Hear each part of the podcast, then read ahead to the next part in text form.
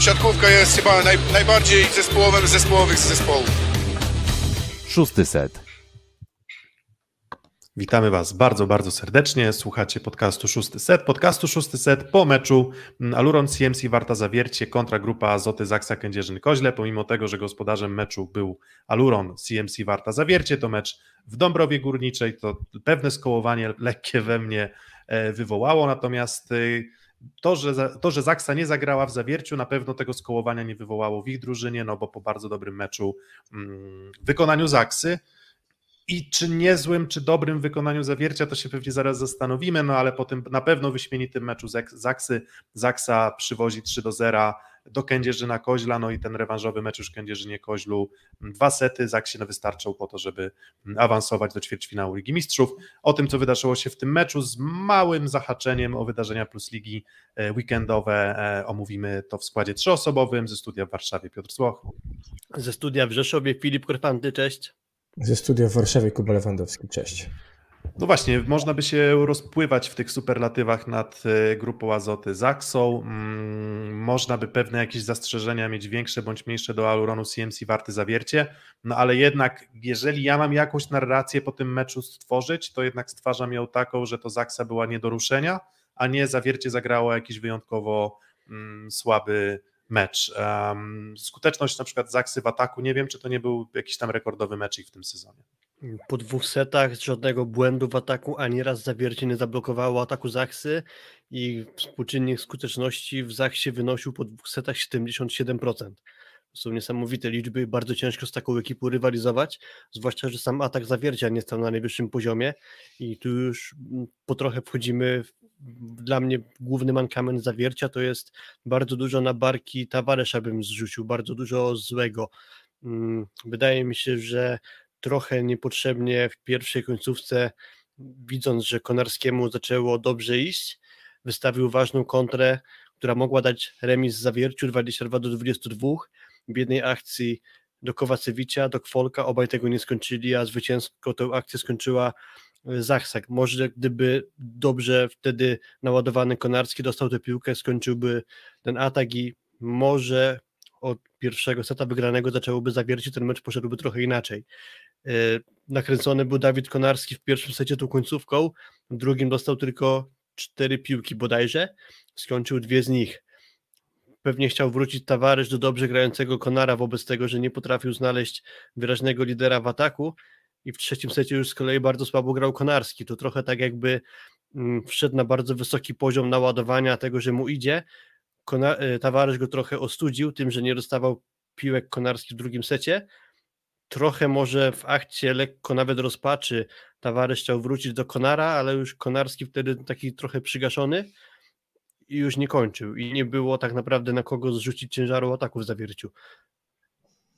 To był taki mecz z mojej perspektywy chyba, jaki marzy Tomasz Samerwuo i cała Zaksa, jeżeli chodzi o dystrybucję, jeżeli chodzi o granie, bo przyjście Bednoża tak naprawdę trochę zbliżyło tą Zaksę do Zaksy poprzedniego sezonu, bo gdzieś w te buty Semeniuka wchodzi Bednoż, bo Śliwka jest znowu trzecią opcją, tak jak był w poprzednim sezonie częściej i Yy, I to powoduje, że Zaksa czuła się bardzo dobrze. Zaksa czuła się bardzo dobrze też, bo bardzo mało było błędów technicznych. Tam może raz Smith wziął zagrywkę, której pewnie nie miał brać, ale poza tym było duże zrozumienie, była dokładność i była kapitalna gra Erika Szodziego. I myślę, że, że to nakręcało Zaksę do gry i było też to, co Zaksę cechowało w dwóch poprzednich sezonach, czyli fenomenalnie wysoka skuteczność na kontrach, bo po dwóch setach to było 80%, w trzecim ta skuteczność leciutko spadła, ale jeżeli mówimy o skuteczności na kontrakt rzędu 60 kilku procent, no to mówimy tu o wyniku wybornym. No właśnie, no i tak łatwo jest wskazywać, bo tak mm, ja sobie zdałem sprawę z tego tam, nie wiem, no, po jakimś tam czasie obserwowania siatkówki, że jak widzisz ten parametr w raporcie statystycznym dotyczący kontry, to nie jest tylko kwestia tego, czy masz gościa, który skończy ci piłkę na wysokiej piłce, a czy masz, e, czy masz zawodników, którzy na przykład umiejętnie dograją piłkę do rozgrywającego, żeby on miał komfort zagrania na tej kontrze. No i trzeba przyznać, że te obrony Zaksy to nie były obrony, które tylko utrzymywały piłkę w grze, a właśnie to, o czym mówiłeś, nawiązując do tych poprzednich sezonów Zaksy, no to na pewno, mm, na pewno duży komfort miał Janusz, nie tylko przyjęcie, znaczy nie tylko przyjęcie miał dobre od swoich kolegów, ale myślę też, że bardzo dobre miał właśnie obronę. I było kilka takich przykładów właśnie w końcówce trzeciego seta, gdzie Konarski wybiera się po prostej i wydawałoby się, że no wszystko zawiercie wykonało dobrze. Dobre przyjęcie, niby dobra piłka od Tabaresza, piłka idzie po prostej Konarskiego, a tam Szodzi z uśmiechem na ustach wyjmuje to, nie wyjmuje tego nad siebie, tylko piłka ląduje na 3,5 metra, Janusz rozgrywa kontrę do Kaczmarka i kończymy. A, i, i, to było coś, co mi bardzo imponowało w Zaksie, bo tak jak mówię, to nie jest tak, że ta skuteczność wynika tylko z tego, że tam masz Bednoża albo Śliwka albo Kaczmarka, chociaż każdy z nich zagrał pewnie dobry mecz, ale właśnie te poprzednie odbicia były kluczowe, co zresztą Łukasz Kaczmarek w tym wywiadzie pomeczowym dla Polsatu Sport y, wspominał, że bardzo dobry mecz też przyjmujących, więc mm, Zaksa musiała zagrać dobry mecz teraz, szczególnie po tym weekendowym e, rozczarowaniu chyba bardzo dużym z Warszawą, o którym może pomówimy jeszcze na koniec odcinka. E, no i zagrała i, to zapachniało taką Zaksą z poprzednich sezonów, więc tutaj się z Kubą zgadzam. Trochę taką Zaksą, która potrafiła w odpowiednim momencie sezonu włączyć swój najwyższy bieg, bo jak kojarzę właśnie tę drużynę z poprzednich sezonów, to nie było tak, że od deski do deski, od startu sezonu do końca oni grali na jednym bardzo wysokim poziomie. Też często bywało tak, że grali słaby mecz, słaby mecz, ale mniej ważny, po czym przychodziło granie kluczowe i Zaksa te spotkania wygrywała. Nie wiem, gdzieś byli blisko odpadnięcia z pucharu w zeszłym sezonie, awansowali tak jak trzeba było, mieli potem ważny mecz, mimo słabej gry w pucharze, super podnosili swoją dyspozycję. Kilka innych ważnych momentów, grała Zaksa słabo, przychodziło to granie już kluczowe, takie, że obyć albo nie być i Zaksa znowu wrzucała swoją dużą dyspozycję, wysoką dyspozycję. Teraz trochę tych zmian kadrowych doszło, nowy trener, ale zaczyna się schemat powtarzać, bo tak naprawdę te wszystkie dotychczasowe mecze nie miały aż takiej wagi jak to dzisiejszy. Dzisiaj Zaksa przegrywając już by sobie zrobiła trochę problemu względem rewanżu. W lidze sytuacja cała jeszcze jest do uratowania. W pucharze, mimo też trochę tego, że mieli męki, no to do półfinału się zameldowali i grali słabo w pucharze z Gdańskiem, mówiliśmy, że nie działają skrzydła. Przyszło granie z projektem, też skuteczność skrzydeł nie, powa nie powalała, była dość słaba przyszło najważniejsze granie z zawierciem i Zaksa w ataku grała fantastycznie. Środek był tak naprawdę tylko uzupełnieniem kapitalnie grających skrzydeł. Może z wyjątkiem Olka Śliwki, który tych piłek dostawał od Janusza trochę mniej, no ale skoro Kaczmarek i, e, i Bednoż na takiej skuteczności kończyli, no to dlaczego nie? Wyszło na jego. To też było tak, że zobacz proszę Piotrek, że Olek Śliwka ma taką myślę, że umiejętność kapitalną też i mentalną, i chyba jeżeli chodzi o to, jak angażuje się w spotkanie jako zawodnik, y, że na te najważniejsze mecze on się niesamowicie spina. I też zaczęła, zaczęła zawiercie trafiając i szukając go, niejako powielając y, to, co robił projekt. Y, i dwie, jeszcze dwie, trzy piłki, te przyjęcia były mocno na siebie, ale z upływem meczu, jeżeli chodzi o przyjęcie, to Olek sobie radził coraz lepiej. I myślę, że to też właśnie cechuje Zaksę, to co powiedział Filip, że oni wiedzą, kiedy trzeba zagrać najlepiej. I, i tak zagrali dzisiaj. Jeżeli chodzi natomiast z drugiej strony o, o zawiercie, to zabrakło, wydaje mi się, przede wszystkim wsparcia z lewego skrzydła, bo Uroś widać było, że wraca po kontuzji, e, a nie był monolitem w przyjęciu, ani w ataku nie kończył tak wiele jak w niektórych spotkaniach. Zawsze tego efektywność się tam pewnie oscyluje bliżej 30% niż 50%, ale A to nie był mecz, gdzie dostawał bardzo dużo piłek, dużo więcej niż koledzy, a B był dość łatwo podbijany. To nie były takie obrony, gdzie rywale nie byli w stanie prowadzić kontry, tylko oddawali piłkę za darmo, tylko to były kontry, bo odbijany był dość łatwo na 11-12 metrze. Podobnie było z Bartoszem Kwolkiem i, i, i to był, wydaje się, duży problem, bo Miguel zaczął ciekawie, zaczął trochę środkiem, ale po chwili tego środka pewnie już było za dużo i był czytany. Z drugiej strony, jak spojrzymy w raport statystyczny, no to Szalacha znowu zagrał dobry mecz, jeżeli chodzi o atak, bo 7 na 10 i tylko raz zablokowany przez Śliwkę, ale właśnie te, ten blok Śliwki, mam wrażenie, że trochę był kluczowym momentem trzeciego seta, bo zobaczcie, było 14-11 dla Zawiercia, to była piłka, która była po stronie Zawiercia na plus 4 zablokował Śliwka, było plus 2 i potem już do końca seta graliśmy na plus 1, plus 2 gdzie przy 21-21 Zaksa już doszła i po prostu dokończyła dzieło, więc to czytanie gry po stronie Zaksy bardzo mi się podobało, jeśli chodzi o zawiercie, to, to, to przede wszystkim mówię lewe skrzydło i dwa, miałeś takie poczucie, że było sporo piłek, które można było zostawić grze, prawda?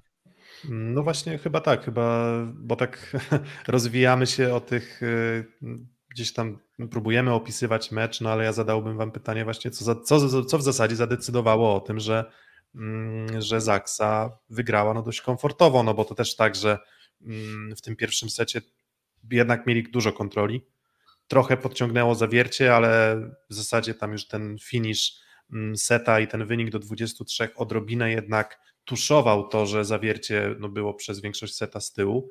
No i w zasadzie no, tylko ten trzeci set był takim setem, gdzie faktycznie można było, pachniało tym wygranym setem przez zawiercie, więc co zadecydowało, że, że zawiercie przegrało? Czego zawierciu brakuje, żeby z taką Zaksą mm, rywalizować? Na pewno w lepszej dyspozycji Urosza, bo to nie był ten taki typowy Urosz, że ogrom piłek dostawał i większość albo sporo z tego potrafił czyścić. Dzisiaj myślę, że generalnie Zaksa wygrała to spotkanie też taktyką.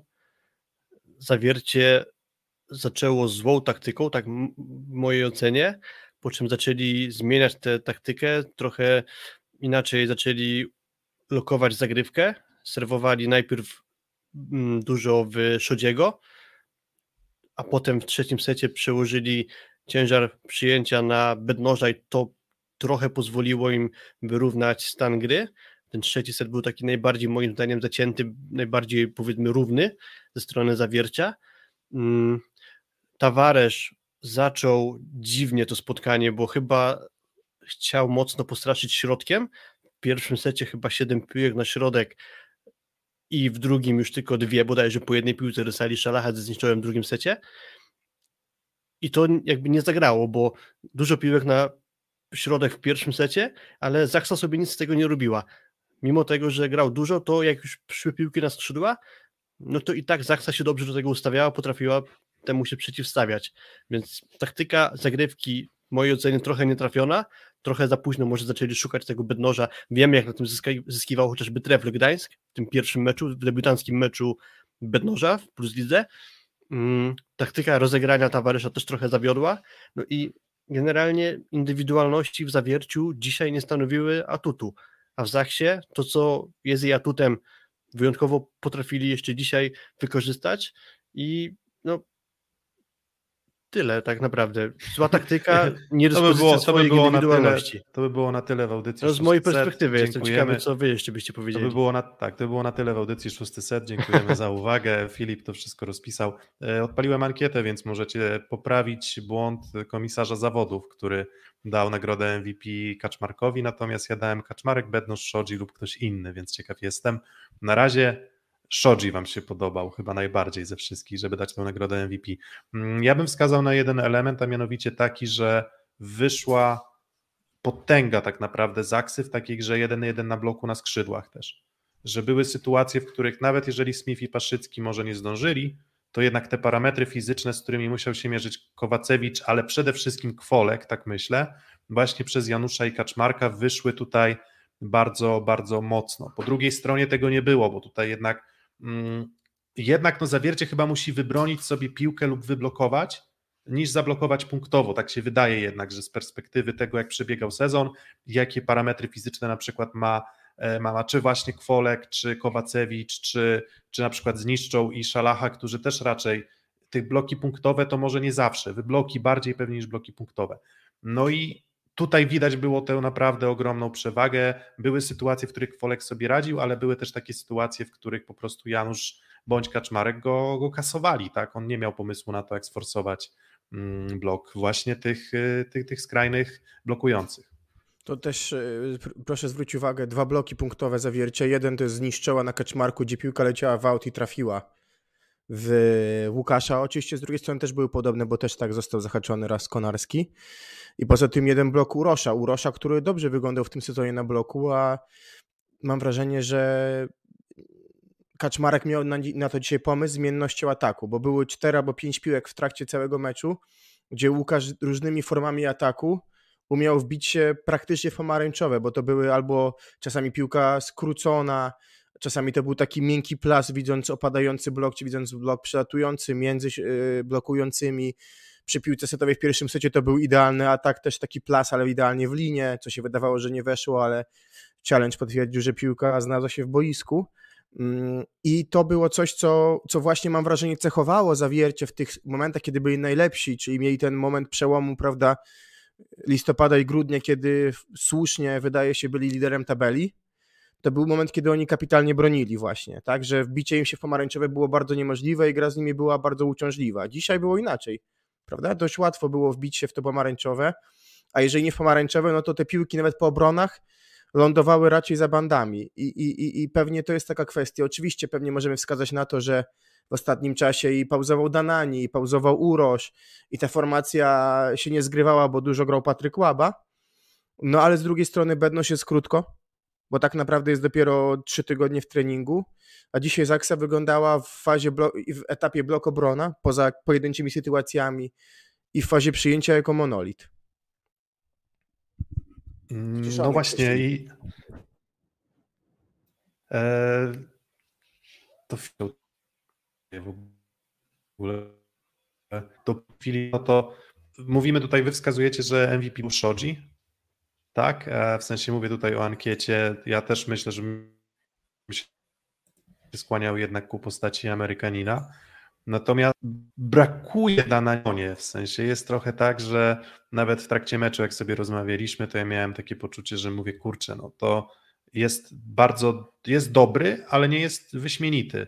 I spodziewałem się, że ten jego sezon będzie wyśmienity. Spodziewałem się, że będziemy tam w jednym tchem wymieniać go pośród tych najlepszych graczy. A to był taki mecz, w którym właśnie ten Danani był bardzo potrzebny i i mam wrażenie, że było sporo piłek, w których właśnie coś uciekło, więc to nie było jakby, gdybym miał indywidualnie wskazywać, to powiem, że ty Kuba taką tezę postawiłeś, więc to jakby drużyna jako zawiercie owszem, ale Danani jako taki właśnie na tle w szczególności Szodziego, no to e, z tą zmiennością ataku Kaczmarka zupełnie sobie nie radził, tak jakby nie był przygotowany na to, że, że Łukasz po prostu technicznie może wykonać inny atak niż może był rozpisany w gameplanie.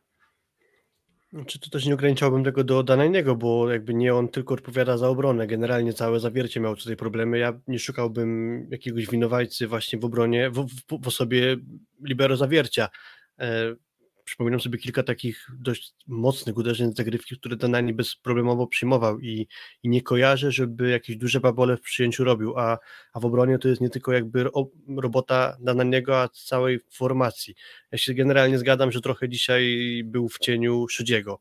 No tak samo pewnie jak byłby w cieniu, nie wiem, Luka Perego czy, czy innego znakomitego e, libero. No, Szodi generalnie od kilku spotkań wygląda świetnie, ale dzisiaj jakby do danego nie mam zastrzeżeń.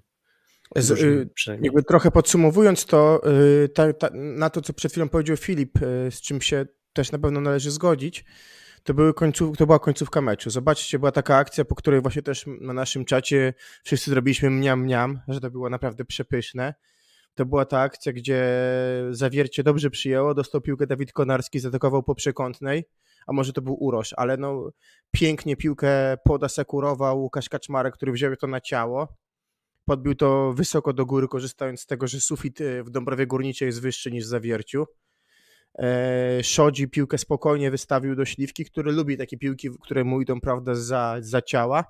I on obił blok e, Miłosza zniszczała i to była taka akcja, po której mu wiedziało się tak, to jest ta, ta Zaksa, która broni, która umie zorganizować kontrę i która tym męczy rywala, a z drugiej strony akcje później, bo to było na 22-21 jak pamiętam i chwilę później jest mocna zagrywka, dobrze przyjmuje Danani, dość płasko, ale dobrze.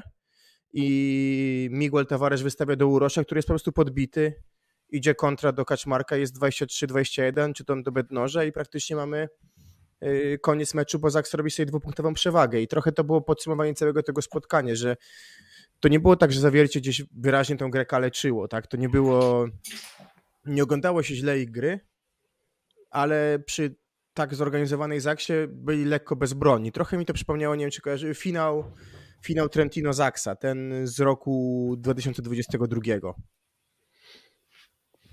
Mm, a w jakim aspekcie? Bo tak trochę chyba nie rozumiem. Wizualnym i wynikowym, ale wizualnym właśnie, że, że ciężko się przyczepić bardzo wyraźnie do gry rywala ale przy, przy takim indywidualności, jak był Kaczmarek, który kończy 20-29 i chyba tylko popełnia dwa błędy, czy, tak, no bo nie był, nie, on był zablokowany ten dwa razy, to jak atakujący ci gra na 60% e, i na takiej samej dyspo, dyspozycji grają ci lewoskrzydłowi, no to mówię, to, to, to, to, to ciężko szukać szansy. I na pewno to jest też jakoś wina tego, że na bloku dużo zawiercie nie robiło, ale wydaje mi się, że jeżeli chodzi, mówię o wizualny aspekt gry zawiercia, no to nie wyglądało się tego źle. To nie wyglądało, jakby oni się ze swoją grą jakoś bardzo mocno w swojej akcji męczyli, tak? To nie wyglądało No nie, na nie, no tak. zdjęcie tutaj- na wiesz. Nie no, oczywiście, no tutaj się zgadzam, no przecież e, gdybyśmy wyizolowali, gdybyśmy spojrzeli tylko na statystyki e, zawiercia, no to mówimy tak, 5 asów, ok, na, na tam powiedzmy 3 sety, czyli przyzwoicie, spojrzelibyśmy na liczbę błędów na zagrywce, nie było ich jakoś ogromnie dużo, przyjęcie 50%, ani specjalnie dużo błędów, patrzysz na skuteczność, efektywność ataku, wszystko wygląda nieźle, no ale czasem właśnie to takie mówienie, że tam drużyna jest skuteczna albo nieskuteczna, wyizolowane od tego, jak wyglądał rywal, w zasadzie nie ma sensu, bo kto wie, może gdyby Zaksa musiała się spiąć mocniej w relacji blok-obrona jeszcze bardziej, to może byliby w stanie to docisnąć. To już jest teoretyzowanie, natomiast to wystarczyło Zaksie. Zaksie tak naprawdę side-out i kontra w tym meczu mm, wystarczyły. Ja jeszcze się trochę podpieram e, statystykami ze stycznia i tak patrzę sobie na ten taki aspekt defensywny, czyli jak tam zawiercie wygląda. Jak był taki moment w tym sezonie, że, że zawiercie było no jedną z tych najlepiej broniących drużyn, jednak drużyn, w którym naprawdę ta skuteczność, efektywność ataku była, e, rywali była zazwyczaj bardzo niska, a jak sobie wyizolowałem sam styczeń, no to się okazuje, że jest to po PGS Krze, która jest najgorsza, po Radomiu, po Katowicach, które gdzieś tam powyżej 40% skuteczności rywala i po Ślepsku Malow Suwałki, który ma ewidentne gdzieś tam problemy, no to to jest 37,5% efektywności. I to na BBTS-ie, i to na um, Luku Lublin, i to na GKS-ie Katowice, który też swoje problemy miał, więc wydawałoby się, że no trochę coś z tą relacją blok obrona nie działa. I ja zdaję sobie też sprawę z tego, że to jest system, jakby to nie masz, nie masz urosza, masz jakieś tam problemy zdrowotne, trochę roz, rozregulowany Konarski, ciężko jest stworzyć z tego monolit, no i to jest coś, z czym na pewno Winiarski musi się teraz borykać, bo na siatce nie wygląda to bardzo źle wcale. Właśnie nawet ten środek, podawany przykłady, to nie, nie wygląda dramatycznie, nawet jeżeli ja uważam, że na przykład Kwolek to słaba moc ofensywna relatywnie jak na, jak na grę o medale. No jakby nie boję się, nie boję się tego przyznać. Uroż, okej, okay, super. Konarski w takiej formie jak dzisiaj albo z playoffów, super. No ale Kwolek jest tą trzecią opcją i nie zmienia mojej oceny to, że z BBTS-em Bielsko-Biała czy tam z MKS-em Będzin radzi sobie przyzwoicie, więc trochę słabości personalnych i kto wie, może po prostu, jeżeli byśmy wyizolowali też formę i postawili na papierze drużynę Zawiercia i Zaksę w tych zestawieniach, które dzisiaj zobaczyliśmy, to po prostu Zaksa byłaby faworytem takiego dwumeczu pewnie w 8 na 10 przypadków. No i to zobaczyliśmy też trochę dzisiaj. Niezależnie od formy Zawiercia i tam tego, na ile poukładana jakiś gra. Dokładnie, z tego, że to się skończyło takim wynikiem, a innym, to głównie jednak bym szukał po stronie zawiercia, czyli zagrali poniżej swoich możliwości i chociażby przez to, co mówisz, że system ich defensywny. Ciężko było dobrze się przygotować do takiego spotkania, jeżeli masz dużo tych podróży, mało treningu, wyjście treningi w niepełnym składzie, bo są problemy Kowacewicza, wypadał Danani, trzeba było pasować nowego libero, e, chociażby było dawanie szansy Durskiemu, no wejście Durskiego do drużyny, to też może ci trochę system defensywny rozbić. Po pierwsze, może niekoniecznie to jest zawodnik, nie wiem, nie chcę teraz jakoś super go mm, szufladkować, ale może to jest gorszy defensor aniżeli Dawid Konarski, też chcąc wprowadzać tego Durskiego jako grającego momentami lepiej w ataku Konarskiego, no to też wypadałoby, żeby on potrenował z pierwszą szóstką wyjściową zawiercia, to też ci psuje pracę jako system defensywny i z tym musi się obecnie borykać zawiercie. Tym dzisiaj też przegrali to spotkanie. Przypomniała mi się statystyka po dwóch setach. Komentujący ten mecz Tomasz Swędrowski powiedział, że Zaksa 80 do 20 wygrała kontrę, czyli 80% w ataku miała na kontrze Zaksa, a tylko 20% zawiercie. To też jest jakby dla mnie kolejny kamyk do ogródka Tawaresza, no bo kontry, okej, okay, część jest takich, że trzeba wystawiać piłkę gdzieś z boiska, ale jeżeli są w stanie sobie dobrze dogrywać piłki, no to tutaj bym oczekiwał trochę większej skuteczności, a nie 20%. I dużo było takich składowych, w których zawiercie po prostu nie było z sobą. I mm, jakby określić mm, wydaje mi się, że to, co dzisiaj zobaczyliśmy, to jest nie do nadrobienia już w tydzień, czyli mamy rewanż już w przyszły wtorek i chyba to będzie du dużo za mało czasu, żeby coś tu się miało zmienić. I jak dla mnie tu się zanosi, że cała rywalizacja zamknie się w pięciu setach tak naprawdę. pytanie, czy wy Mm, przewidujecie, Tak, że myślę, jeszcze że jest na pewno możliwość, jedyną- że... szansy. Nie, no właśnie.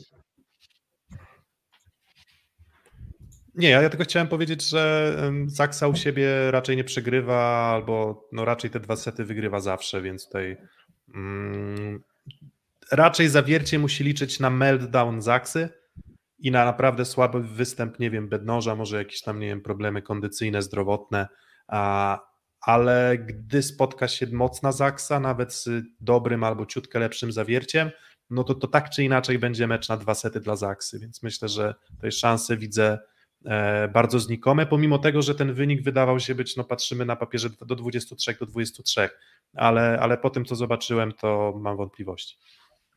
Bliżej, wydaje mi się, szanse większe widziałbym za 2,5 tygodnia w Krakowie, kiedy już można trochę dłużej popracować, niż właśnie za tydzień, ale chciałem zwrócić uwagę też na, na ten element zagrywki, bo tu patrzymy na Zaksę, tylko trzy bezpośrednie asy i 16 błędów, ale oni, nie pamiętam zagrywki, która była jakaś taka miękka. W sensie, jeżeli już trafiała w pole, no to nie pamiętam, żeby to była jakaś zagrywka taka bardzo łatwa. Du- Dużo było naprawdę bomb, bardzo dobrze w tym, w tym zakresie, jeżeli już trafiali, mówię, ponad y, taśmę lub, lub, lub w boisko i, i Bedność i Kaczmarek wyglądali, że to były naprawdę konkretne ciosy i też pod takim kątem Zaksa naprawdę potrafiła tą zagrywką sobie poustawiać grę, bo musiał sporo biegać Tavares, jeżeli chodzi szczególnie o przyjęcia teoretycznie, które trafiały pomiędzy trzeci metra siatkę, to one rzadko kiedy były blisko niego. To często były przyjęcia albo bliżej lewego słupka, albo prawego słupka, co skutkowało też tym, że on po prostu musiał e, biegać, więc, więc to też na pewno popracowane zagrywką, Mm, i, a to potem już mówię, ustawiało grę, więc, więc ta chyba różnica na dzisiaj jest taka, że, że to Zaksa będzie po prostu widzę mistrzów grała dalej i trochę jest tak, że zobaczcie, 3-0 łatwe zwycięstwo w pierwszym meczu zawiercia, prawda? Potem wygrany pierwszy set w Kędzierzynie i potem e, przewaga stracona w drugim secie w lidze i od tego momentu sześć setów dość gładko, jeżeli chodzi o przebieg na, na rzecz Zaksy. Mm, Siła zagrywki z akcji to jest jedno, ale też zwróciłbym uwagę na tę słuszność taktyki, o czym mówiłem już trochę wcześniej, że zawiercie trochę źle obrało taktykę na początku i zaczęło coś korygować z biegiem meczu. W trzecim secie więcej serwowania w bednoża prowadzili 18 do 15. Mimo tego jednak tego seta przegrali. Zaksa mam wrażenie, że od początku do końca taktykę zagrywki trzymała mniej więcej taką samą, szukanie przede wszystkim Kowacewicza. Nie zawsze to było turbo mocne uderzenie, ale starali się celować w Kowacewicza i często te piłki przez niego były przyjmowane dość wysokim takim jakby lobem, co też utrudniało Tawareszowi granie wszystkiego, co pewnie by chciał. To jest raz, a dwa, że dość często Uroż był celowany w strefie e, pierwszej, a jak wiemy, bardzo dużo piłek Kowacewicz swego czasu za swoje najlepsze jakby dyspozycji, czy takiej, takiego primu dostawał będąc na prawym skrzydle w ataku.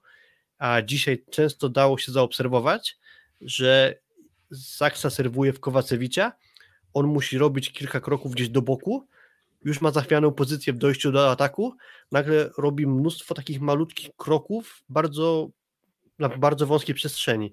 I to już jest bardzo ciężkie pewnie, żeby się z tego zebrać do ataku i stąd bardzo mało piłek dostawał Uroż na prawe skrzydło. I to nie tylko chodzi o siłę, ale też właśnie taką kierunkowość Zachsy i, i bardzo fajnie to byli w stanie wykorzystywać. I nie służyło to też organizacji gry Tavaresza w rozegraniu. No i, pod, no i w drugą stronę, no to to samo, ta zmienność zagrywki, gdzieś trochę skrócone zagrywki, widać było, że ta mobilność Bednoża jest taka e, trochę ograniczona, w sensie on chyba nigdy nie był i nie będzie już pewnie takim gościem, który tam, nie wiem, będzie idealnie się zbierał po przyjęciu do, do ataku, nie zawsze, on raczej chyba jednak woli coś, co no pewnie każdy woli, ale że w zasięgu ramion jednak spada mu mocniejsza piłka i z takimi mocniejszymi piłkami mam wrażenie, że poradzi sobie często nawet lepiej niż, niż z takimi gdzieś tam podciętymi piłkami, jakie parę razy zaproponowało zawiercie na przykład e, na przykład Tavaresz. E, no i właśnie, no i trochę zabrakło pomysłu, trochę jakości gry i cóż, no chyba moglibyśmy się jeszcze dłużej rozwijać. Natomiast ja mam jeszcze jedno, a, jedno pytanie do Was, a mianowicie um, wydaje mi się, że taka Zaksa to jest Zaksa, która może wygrać z Trentino. No zdecydowanie, no jakby zaczynają się znów wypuklać atuty, czego na przestrzeni tego sezonu trochę brakowało, no i też dzisiaj kolejny taki mecz, gdzie widać, że no jednak Bartosz Bednosz tę drużynę wzmocni, a trochę połata dziury, które mimo wszystko były przy grze Adriana Staszewskiego.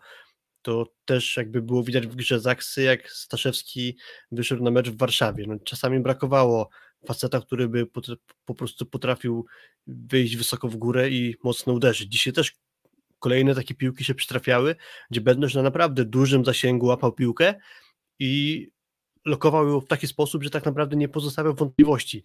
Brakowało tam tego się meczu. Zobacz, tam Danani stał jakby nie stał właśnie, stał za blokiem, nie widząc tej piłki, a nie stał jakby tak po, po, po skosie, jak mógł ją złapać, tak jak raz złapał w tej e, akcji, która stała się już wiralowa, e, gdzie Szodzi złapał Kowalczewicza. Gdzieś Danani stał za Mhm. blokiem w tych sytuacjach i tam raz Bednosz, tak jak mówisz Filip, niedaleko, niewiele się pomylił, co było dociągane przez śliwkę z, dwa, z 12 metrów, a raz trafił właśnie, bo o tych mówisz, prawda? O tych bardzo ciasnych skosach na Tak. bloku. Mhm. Pełna zgoda, natomiast ja y, nauczyłem się doceniać Trentino i trochę to wyglądało ten mecz jak pierwsze dwa sety Zaksy z Trentino, bo też przecież tam Zaksa w Kędzierzynie dość łatwo pokonała Trentino, nie była w stanie tego wytrzymać na dystansie. Może to była kwestia fizyki jeszcze u Bednosza, który może nie jest gotowy na tak długie granie, ale na pewno grająca tak Zaksa na, na pełnym dystansie meczu od A do Z jest, byłaby faworytem z Trentino, natomiast do tej pory w tym sezonie chyba do, dojrzalszą grę jeszcze prezentuje Trentino i chciałbym zobaczyć w Zaksie pewną kontynuację, bo, bo wiemy, że jest to falowanie i zazwyczaj się im udaje trafić na, na, na ważne spotkania, no ale przy tym sezonie pewnie jakiś tam znak zapytania byłby, czy, czy akurat na ten ważny mecz by się trafił. E, Natomiast no zobaczcie, 1-3 bez Bednosza, gdzie Zaksa powalczyła, prawda, w, w Trento i potem rewanż, dwa łatwe sety i potem mówię, duży, duży spadek gry. Więc mimo tych dwóch porażek, no to Zaksa jest pewnie bardzo blisko Trento, jeżeli chodzi o jakość gry i, i mówię, wydaje mi się, że, że, że, że byłaby duża szansa, bo, bo Trento mimo tego, że no w tych meczach wyglądało lepiej, no to też widać, że w lidze też ma, też faluje samo. Trochę byłoby spotkanie takich y, ukąszonych gepardów trochę może, no nie wiem. Tak. Szukałem jakiegoś porównania, nie no, w sensie. Humorystycznie chciałem. ukosz, to ukąszony gepard z zawiercia. ukąszony rycerz.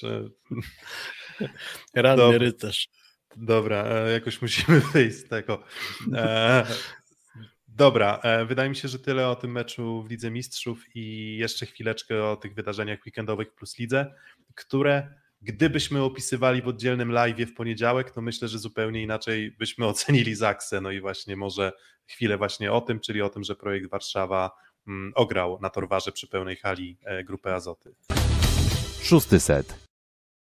Mm, Właśnie, no ograł, ograł i, i ten projekt w zasadzie tę Zaksę momentami zdemolował. Nie było oczywiście Bartka Bednoża, natomiast um, skoro mówiliśmy dużo o Zaksie i właśnie ten, ta, ta nieobecność Bednoża była widoczna i też ja muszę przyznać, że mm, powoli zaczyna dużo lepiej wyglądać nawet Bartek niż się spodziewałem, więc widać, że się odnajduje w tym systemie Zaksy, no ale w weekend go w Warszawie nie było, no a Warszawa się e, zabawiła, no i tak zastanawialiśmy się, ok, jak ta drużyna Grabana będzie sobie radzić z drużynami z góry tabeli. Ty Kuba chyba typowałeś e, właśnie e, dość komfortowe zwycięstwo Zaksy, a tutaj jest dziwko. No, ogromne zdziwko. Yy, ale nie było bednoża i pewnie trochę większy nacisk Zaksa jednak położyła na, na rozgrywki Ligi Mistrzów, bo mówiliśmy to w poprzednim odcinku, że gdzieś tam umieją nasze zespoły i zawodnicy priorytetyzować sobie pewne, mm, pewne zdarzenia. Dość inaczej. Przede wszystkim Zaksa została w tym meczu zaskoczona własną bronią, bo przecież ta efektywność, jaką wykręciła Zaksa w tym meczu była żenująca. Nie ma co ukrywać, prawda? To była chyba efektywność oscylująca w ogóle drużyny wokół, wokół zera. Na ujemnej chyba Łukasz Kaczmarek, na ujemnej Śliwka. Yy, dopiero tak naprawdę zmiana Kluta i Żalińskiego trochę pod, pobudziła zespół, no i ta reakcja Śliwki w trzecim secie do muszę, muszę, znaleźć ten, Kowalczyka. muszę znaleźć ten komentarz. Gdzie jest ten komentarz? Komentarz. Trochę Tak. pobudziła zespół. Mityczna Może siłownia. tak było. Nie no, wiecie, Nie. kurczę, no coś, coś, coś z tymi, coś z tymi e, mikrocyklami przygotowania fizycznego na pewno jest. I też miałem taką I- jeszcze jedną rozkminę w kontekście tego meczu dzisiejszego, na ile to, że już Zaksa przeżyła tych spotkań ileś tam Chciałem z tym sztabem, tak. właśnie, właśnie pomogło Zaksie się przygotować idealnie na ten. Mm, A zawiercie ide- jest pierwszy raz tam tak naprawdę, no bo umówmy się, Puchar CEF czy tam wyjazdy do Bułgarii też chyba się kończyły już szybciej, chyba nie, na takim etapie sezonu już chyba nawet zawiercie nie grało w rozgrywkach europejskich. No właśnie, skorygowana efektywność ataku, bo tu się kłóci Arnasia, Arwena i tak dalej. 6% ja patrzę w tym momencie na statystyki. Więc jeszcze nie 2, a 6%, no ale to niewiele zmienia akurat w sytuacji Zaksy, bo był to mecz e, zwyczajnie fatalny. Natomiast oddajmy szacunek projektowi Warszawa. I tutaj ciekawe pytanie Tomkowiaka 666. Dobra panowie, szalpuk do kadry ili nie? No i słucham państwa. Mm, W Szarpuku zawsze będzie pewnie łatka, że trochę odstaje w przyjęciu, ale oprócz tego, że pewnie wszyscy się zgodzimy, że gra w tym sezonie świetnie, jak już wrócił do siebie, to jeden element zwrócił moją uwagę i chciałbym to uwypuklić i podkreślić, że chyba zaczął mocniej sterować z wyskoków teraz, niż to było jeszcze przez ileś czasu wcześniej i jak dobrze grał w ataku, ciągnął grę w ataku Warszawy przez ileś już spotkań, tak teraz jeszcze w tym meczu z Zaksą zaczęło mi się rzucać w oczy, jak on mocno serwuje. Przez jakiś czas miałem tak styli, że on i optycznie wyglądał bardzo dobrze w zagrywce i jeszcze w liczbach, tak Tilly lekko chyba zjechał z tonu, a z kolei zaczął mi się rzucać w oczy Szalpuk, że on z kolei bardzo mocno serwuje. Yy, dobra, a kogo my szukamy do tej kadry? Bo szukamy drugiego, jakby wiemy, że on będzie grał i szukamy do niego drugiego, no to Szalpuk nie pasuje do niego. Czy mówimy o szerokiej kadrze? Bo do szerokiej na pewno zasługuje na powołanie i niech się bije o to miejsce z chłopakami, bo, bo na pewno grą w tym sezonie na to, żeby się w ósemce przyjmujących na Ligę Narodów znaleźć, zasługuje i to nie mam Mhm. wątpliwości. Natomiast do pary z Leonem, no to trochę będzie nam się rodziło wyzwanie, bo to chyba nawet Rafał pisał i to widać w statystykach, że z Semeniukiem, no to Kamil się męczy w tym ustawieniu, że lepiej wygląda często jak wchodzi w Perudzi Płotnicki. Na ile to jest kwestia tego, że Kamil pewnie, tak jak Bieniek na przykład, odczuwa pewien zjazd fizyczny po kadrze, a na ile to jest kwestia tego, że dość ciężko się gra z Wilfredo, bo jesteś jednak wtedy rzadziej wykorzystywanym przyjmującym i pewnie musisz trochę więcej miejsca zabezpieczyć w przyjęciu, no to to jest do analizy oparciu o liczby. Natomiast na pewno do Mm. ósemki przyjmujących Szalpuk zasługuje, a co zdecyduje Grbić, no to niech się Szalpuk bije.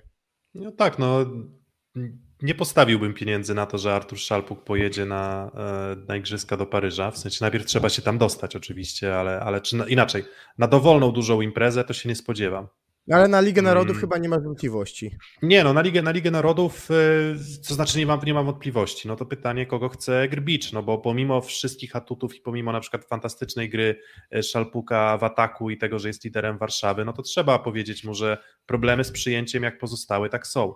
Że on cały czas Ale masz 8 przyjęcie ma. miejsc, Piotrek, masz 8 miejsc, no to... Nie, no dobra, no to on jest, on jest lepszy, on jest lepszy od Lipińskiego rok temu, no pewnie, tak. No to jakby co do tego się zgodzimy. Od No i. Lipiński rok, temu, Lipiński rok temu dostał szansę i tam Szymura też dostał powołanie, no to w tym roku brak powołania dla Szalpuka byłby mm, no mimo wszystko odrobinę, odrobinę zaskakujący, więc pod tym kątem tak. Natomiast no, nie róbmy zbawcy kadry z Artura Szalpuka, ani też nie róbmy, nie wiem, na przykład z Kamila Semeniuka gościa, którego, nie wiem, Nikola Grbicz odstrzeli, bo nie podoba mu się to, że on tam trochę rotuje nim Anastazji, albo że nie wygląda tak fantastycznie, no bo nie wygląda w lidze włoskiej, nie wygląda Semeniuk poza zagrywką, co do której chyba nikt nie ma zastrzeżeń, no to nie wygląda fantastycznie. No ale wracając do Szalpuka, no powołanie do szerokiej, myślę, że tak. Tak, tu oprócz tego, że jakby na swoje możliwości gra gdzieś blisko już swojego topu, pewnie w tym momencie, to jeszcze jest kwestia jego ogólnej charakterystyki jako siatkarza, bo też weźmy pod uwagę to, że niekoniecznie musisz budować zespół z najlepszych zawodników, jakich wszystkich posiadasz, ale też musisz wybrać takich zawodników, żeby zespół funkcjonował najlepiej jak się da. I pod tym względem jakby do charakterystyki takiej, jakiej pożąda Grbić, może Szarpuk po prostu w ten, ten, ten, ten szablon po prostu mu nie wejść i jakby do ósemki się załapie z racji jakby docenienia jego dyspozycji, ale czy do podstawowej czwórki już nie mam takiego przekonania, bo pewnie to jego przyjęcie może tutaj zaważyć, że wybrany zostanie ktoś inny, więc ósemka tak, Natomiast- czwórka nadal wydaje mi się, że nie. Natomiast powiedzmy sobie szczerze, że łatwy będzie wybór tej, tej pewnie ósemki, bo mamy Leon, Semeniuk, Fornal, Śliwka to jest 4, Bednosz, Kwolek, Szalpuk, yy, Gierżot 8. Mhm, No tak, no i w zasadzie co, no w dalszej kolejności Szymura, Szymura? Lipiński, no i, i chyba tyle, no i w zasadzie, w zasadzie ta nasza kołdra to tak, nie wiem czy ona jest długa, czy znaczy no jest bardzo długa na pewno, no bo jeżeli mówimy o ośmiu graczach i pewnie większość z nich wy, wy, występowałaby w, pewnie w 80, Kadrze 95, tak, myślę, że w 90 pewnie 5% kadr na świecie to, to Sphinx, spora część tych zawodników występowałaby jednak w, mm, w siódemce. A no dobra, no to to jest jedna postać w, kon, w kontekście kadry. No a czy nie daje takiego bardzo solidnego, jak to się pięknie z angielskiego określa, statementu Janek Firley mm, w kontekście rywalizacji o miejsce na przykład o drugiego rozgrywającego? MVP tego Ale meczu i o drugie miejsce? No z Grzesiem Łomaczem. No. No to na pewno. no, nawet Grzegorz Łomacz już w tym sezonie pewnych momentach grzebie główny atut skry, czyli granie środkiem, czyli to, z czego go kojarzymy. Nawet to momentami bardzo wadzi skrze i ciężko tak naprawdę szukać pozytywów albo powiedzieć coś w stylu, że mm, Grzegorz Łomacz ciągnie za uszy skrę, bo tak nie jest. Mm, Pirley w tym spotkaniu z Zaksą dostał nagrodę MVP i po każdym secie tak naprawdę z wyjątkiem tego trzeciego miałem takie wrażenie, że to jest w dużej mierze zasługa Pirleya. Nie zawsze takie wrażenie można odnosić, a, a tutaj tak miałem.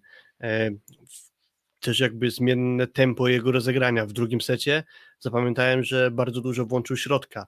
A też wiemy, że projekt działa od jakiegoś czasu bez Andrzeja Wrony. A nie wydaje mi się, żeby Jakub Kowalczyk na tle Andrzeja Wrony stanowił jakieś duże osłabienie. To też pewnie po części jest robota Janka Firleja. Mm, Stąd no, można się na pewno po wcześniejsze etapy sezonu do Janka trochę przyczepić.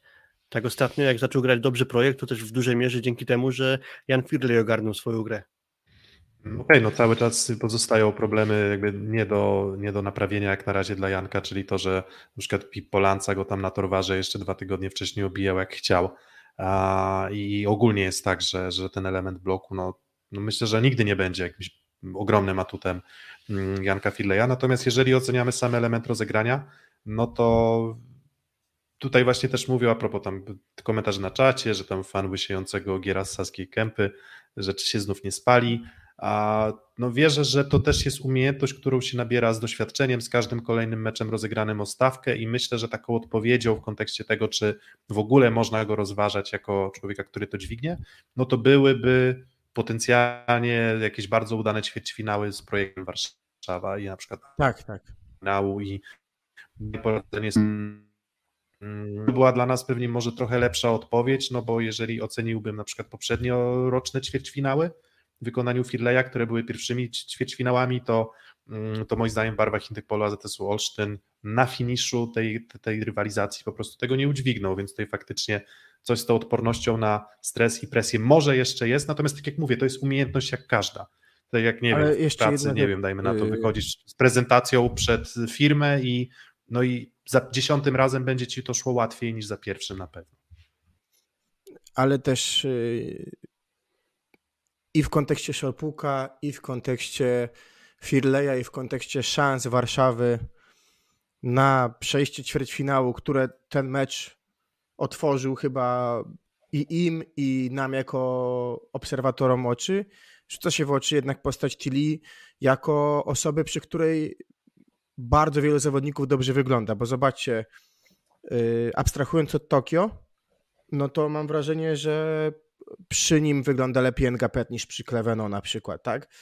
Szalpukowi na pewno jest łatwiej y, przy, przy Tilim grać, bo jednak zabezpieczenie przyjęcia, jeżeli chodzi o pewnie o metry, to pewnie jest tak, że Tili 4, Wojtaszek 3, a Szalpuk 2 na przykład, tak? I, i to jest postać, która moim zdaniem od jego powrotu zaczęło się to co lepsze i patrząc na cyfry, one są różne, to, to się, to nie będzie już najlepsza świata, umówmy się, to nie będzie zawodnik, który będzie kręcił efektywności na poziomie Leona, ale to jest gościu, który nie kręci efektywności na poziomie Borkesa i on się na pewno nie spali. On na pewno dowiezie w ważnym momencie dobre przyjęcie, czy zapewni taki spokój, jeżeli chodzi o granie drużyny, bo on też, zobaczcie jaka jest jakość jego w to d- piłek, które wracają na drugą stronę, jak on właśnie podbija po wybloku, to co dzisiaj mówiłeś Piotrek o bednożu na przykład, no to Tilly w takich sytuacjach też robi to bardzo dobrze i myślę, że też to otoczenie wokół Firleja jest też spokojniejsze niż było rok temu, bo Defalco wiadomo jaki był, jeżeli chodzi o jego stronę emocjonalności w Olsztynie na przykład,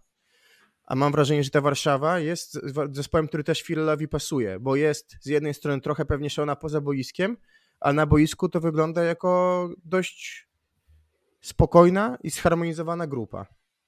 Jeszcze co do Tilly, tylko laurka, czyli spawarka na bloku. To sobie wynotowałem po tym meczu z Zakcą, bo czterypunktowe bloki, e, Kaczmarek na ujemnej efektywności, e, Krót wchodzący do Kaczmarka na zerowej efektywności, Śliwka od czasu do czasu, od czasu, do czasu atakujący z prawego skrzydła na ujemnej efektywności. To też wszyscy musieli się co jakieś ustawienie borykać z tym, że Tilly był na bloku i, i kapitalnie w tym aspekcie wyglądał. Mm, Dobra, no to chyba ogólnie to jest bardzo dobry mecz projektu, no i to jest, to już są tylko trzy punkty straty do Zaksy. Więc jeżeli ja mam Zaksa... też jeszcze taki, Piotrek, jeśli pozwolisz, no to Mhm. Mieliśmy pewnie jeszcze jakiś czas temu wątpliwości, jak będzie projekt, nawet za trenera Piotra Grabana wyglądał na tle naszej ligowej czołówki. No Od tak, no właśnie od tego, od tego zacząłem w ogóle I Właśnie rozmowę, na tym że- chciałem jakby taką klamrą trochę spiąć, skoro zmierzamy, chyba tak mi to wybrzmiało do końca trochę tego spotkania, no to spotkał się projekt z Rysowią w swojej dobrej dyspozycji, skończyło się laniem. Teraz projekt w dobrym stylu ograł Zaksę, ale Zaksa nie była sobą. Gdyby się z dzisiejszą Zaksą spotkał projekt, myślę, że już tak dobrze by to nie wyglądało i tu też jeszcze nie klasyfikowałbym jednoznacznie projektu wśród tych drużyn takich, nie wiem, którzy mogą Czyli, czyli na pewno widzisz, powalczyć z czołówką, ale, XIX-wieczny... ale dobre, dobre przesłanki są, że jednak y, to będzie drużyna, którą należy bardzo poważnie traktować. XIX-wieczny system rozgrywek, WIG, Zaksa spotyka się ze Strong projektem i, i wylosowana tabela, wylosowany terminarz, akurat tak się złożyło, że, e, że Zaksa była w dołku. Nie, tak nie, znaczy tak wiadomo, tam można cisnąć z tego i się tam zastanawiać nad tym, czy, czy to ma sens, czy nie, natomiast jakieś tam y, przypadkowe zbiegi okoliczności, że ta drużyna jest w jednym miejscu, w drugim miejscu, może, e, może mieć swój wpływ i okej, jeszcze cały czas czekamy na to, co, co projekt. Natomiast nie wiem, co jeszcze projekt będzie musiał zrobić, żeby udowodnić, że on będzie w stanie z taką rywalizacją z top 4 em, po prostu startować i, i, i, i wychodzić Najlepiej z jakby wygrali. zwycięską ręką. Ćwierćfinał niech wygrają. Tak, dokładnie. Najwyżej jakby wygrali ćwierćfinał. A, Ma dobra. spotkania, więc myślę, że to po prostu pokaże. I, i, A- i trzymamy się tego. Dobra, e, i tabela jeszcze, no bo ta tabela też trochę po tej ostatniej kolejce się powiedzmy odrobinkę, odrobinkę pozmieniała. Zaległy mecz Resowi z Jastrzębskim Węglem z tej kolejki, zaległy mecz Indyk Polu AZS Olsztyn z Treplem Gdańsk, który będzie rozgrywany 24, bo Trep nie dostał się do finału Pucharu Polski, no ale poza tym co widać? No, Zaksa miała bardzo dobrą okazję, żeby podgonić może punkcik do zawiercia, no bo pewnym zwiastunem tego słabszego meczu zawiercia, czy też porażki z Zaksą mogło być to, co się wydarzyło z BBTS-em, gdzie no kolejna strata punktów, a tych, tych powiedzmy wygranych punktów BBTS-u za dużo w tym sezonie e, nie było, Mm, więc to widać, no ale bardziej interesujące rzeczy dzieją się w dole tabeli. Skrabeł Chatów przegrywa 3 do 0 z Suwałkami. To jest kolejny mecz przegrany za 3 punkty skry z Suwałkami w tym sezonie. E, No i to chyba już jest pograne. 8 punktów, 7 spotkań. W teorii 21 punktów Skra może zdobyć, ale jeszcze po drodze Jastrzębie, Zaksa wyjazd, wyjazdowe, AZS Olsztyn, Luk Lublin. Um, wydawało się, że mogły być, mogły być sytuacje, które trochę Skrze mogły sprzyjać. Mówiliśmy o tym terminarzu, cztery mecze z teoretycznie łatwiejszymi rywalami. W, po twarzy od Lwowa, po twarzy od Suwałk i, i chyba już e, e, to jest są mrzonki, że, że Zaksa Piotrek, może my, to, może my byliśmy świadkami, wiesz, takiego zakończenia, no bo jednak naprawdę fajna dyspozycja z projektem. No tam centymetr od wygranej, bądźmy szczerzy, bo przecież też piłki meczowe miała skra. Już puk więcej. Może to by ich pobudziło. Mecz z Lwowem położony i, i zobacz, dwa punkty więcej, chociażby z projektem, no tam było dość blisko 3-0, no a powiedzmy punkt. Coś z Lwowem, no i byśmy mieli inną sytuację, bo teraz to już jest naprawdę pograne. Po drugie, co, co, co robił Suwałki na, na bloku skry, tego bloku w ogóle nie było. Mówimy o tym, że zaczął się ostatnio męczyć Paweł Halaba, a tutaj wyglądał fenomenalnie. Inna sprawa, miejsce, jak, jak czasami się gra amatorsko w siatkówkę, to się marzy o takich piłkach, jakie, jakie daje Sanchez, bo to jest po prostu taki ekspresik, że w momencie, kiedy Paweł się wybija, ona już tam jest, więc naprawdę Sanchez w tym meczu pomógł, ale na bloku nie zagrała nic skra. Mm, Co z tego, że świetnie zagrał Koi, który pewnie, nie wiem, czuje jakąś ulgę, że nie ma już Banksa? Co z tego, że dobrze zagrał, jak w kluczowym momencie jest zablokowany i za późno się przechodzi dołem, jeszcze się nie obraca i jakby nie, piłka wpada w pole co z tego, że graliśmy równo, skoro dwa razy uszczelił y, z Asem, raz Lanza, raz yy, Gruszczyńskiego przy meczowych takwam. Nie ma mhm. tu środka w tej chwili skra, a skrzydła są po prostu chyba skrzydłami za słabymi na playoff. Brzmi to absurdalnie w kontekście nazwisk Koi, Atanasiewicz, Lanza, ale taka jest rzeczywistość. A, przed, a, a kolejna kwestia, od zmiany libero skra nie wygrała spotkania w lidze. Tak, 27 grudnia został zaprezentowany Jędrzej Gruściński jako nowy libero PGS Chry i przez ten czas przydarzyło się skrzep 5 spotkań ligowych i wszystkie zostały przegrane. Dwa wygrane mecze to Puchar CEF z Galatasaray Stambuł. Swoją drogą jutro mm, Skra gra kolejną rundę Pucharu CEF z Karlowarskiem i biorąc pod uwagę, jak czeska ekipa prezentowała się na tle Zaksy, bo te spotkania oglądałem, to ja wcale nie stawiam Skry jako zdecydowanego faworyta, bo na tak poukładaną siatkówkę jak Karlowarska, mm, grająca bardzo chimerycznie Skra, naprawdę w mojej ocenie może Skrze to nie wystarczyć i było, nie było, porażka polskiej ekipy z czeską to będzie sensacja i bardzo dużego kalibru niespodzianka i pewnie też policzek w twarz PGS Kry już za nowego trenera. Mówiliśmy o tym, że w styczniu, jeśli się mylę Piotrek, to mnie poprawa, ale ty chyba wyliczyłeś, że w styczniu Skra pozwalała na najwyższą efektywność ataku rywali względem całej plusligowej stawki. Tak, no w, jest też najsłabszą drużyną, jeśli chodzi o liczbę bloków punktowych, tak, czyli, e, czyli 1,27 było to w styczniu i, i z Suwałkami trochę udało się to poprawić, natomiast no, to też Suwałki są drużyną grającą mm, bardzo szybko, więc czasem gdzieś ta szybkość i szaleństwo Sancheza wyszło. Natomiast nie zmienia to faktu, że nawet te powiedzmy dwa bloki na set zrobione z Suwałkami nie zmieniają zupełnie, e, zupełnie obrazu sytuacji, że po prostu coś tam ewidentnie nie działa właśnie w tym obszarze, mm, obszarze defensywnym, tak? I, i na bloku, i, i w obronie po prostu po prostu nie działa. A inny mecz w kontekście playoffów bardzo istotny to Stalnysa z Lukiem Lublin. E, Stalnysa wygrywa u siebie za PSG Stalnysa za trzy punkty. No i to chyba lekkie zdziwienie, że tak łatwo to wszystko poszło, natomiast pewne symptomy tego, że Luk Lublin odrobinę zjeżdża z formą, mm, można było pewnie dostrzec w ostatnich tygodniach. Tak, to już jest inna ekipa niż ta, którą na żywo oglądaliśmy w Lubinie w starciu z Indykpolem AZS-em Olsztyn. Coś jeszcze oprócz tego, że w ataku nie do końca to działa, to jeszcze mam wrażenie, że trochę słabiej serwują w tego meczu, co było z Olsztynem, bo wtedy naprawdę to świetnie wyglądało i problemem wydaje się jest to, że Nikolas Szerszyn wypadł na krótko, ale być może długo się będzie pod tym podnosił, bo to już jest też inny zawodnik niż sprzed tej przerwy. E, pamiętam w tym meczu z Olsztynem gra Marcina Komendy wyglądała mniej więcej w ten sposób, że to co można wygodnie wystawić, to szło na prawe, a całe ciężary w ataku brali na siebie Włodarczyk z Szerszeniem. Teraz Szerszeń dobrze zaczął w pierwszym secie, po czym jego dyspozycja zaczęła spadać i, i nijak nie był takim oparciem dla komendy, co też pewnie wpłynęło finalnie na to, że w mojej ocenie to był jego bardzo słaby mecz. Brakowało mu ludzi, pewniaków do kończenia trudnych piłek. Szerszeń nie dawał rady, Włodarczyk skończył na słabej e, efektywności ataku, e, wchodził mm, za grającego słabo Romacia Malinowski i to też nie było jeszcze takie granie, jakiego by mm, pewnie się spodziewano. Stąd brak znowu takich pewniaków do kończenia ataku wpływa na to, że trochę gubi się chyba Marcin Komenda i cały Lublin na tym cierpi, bo pewnie już do końca sezonu zostanie tak, że ich największą, jakby jedną z największych słabości będzie właśnie obsada atakującego. To Za, ja pochwaliłbym na dodam, pewno to jest tak- Łotena, bo Nie, to no nie tak. jest tak, że z góry na dół Lublin grał słabo, ale gdyby szukać pozytywów, na pewno Dustin Łoten, jego gra mi się podobała od samego początku. Mm, To nie jest tak, że, mm, że to tylko Lublin zagrał słabo, no bo tak trochę zabrzmiało, że tam mówię Lublin, trochę tak spróbowałem to zapoczątkować, że to jest wynik słabszej formy Lublina.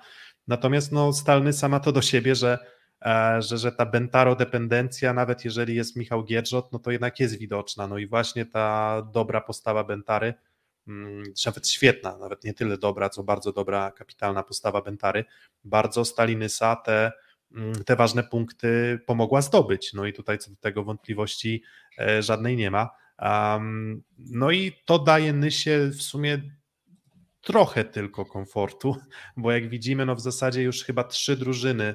Um, Tref Gdańsk ma dwa zaległe mecze, jeden z Indykpolem a ZSM Olsztyn, drugi z Kuprum Lubin, więc wydaje się, że gdzieś te punkty w tych meczach y, po nadrabianych zaległościach spowodują, że zostanie nam 7 spotkań, no i powiedzmy będzie tam Indyk Pola ZS Olsztyn miał powiedzmy, nie wiem, 4 punkty, powiedzmy 6 punktów przewagi nad Ślepskiem Malow Suwałki, a Tref Gdańsk pewnie podobnie lub nawet, lub nawet ciutkę więcej, więc chyba te 7 drużyn już powolutku można mówić, że zostało wyłonione, no jakaś katastrofa zupełna mm, w przypadku, dajmy na to Olsztyna musiałaby się wydarzyć, bądź Trefla Gdańsk, natomiast no Nysa, Suwałki czy Lublin, to jest takie pytanie ostatnie, jak już na, na koniec naszego live'a dzisiejszego, kogo typujecie? Ja mimo widocznych mankamentów tego zespołu typowałbym, że to będzie Nysa. Nysa?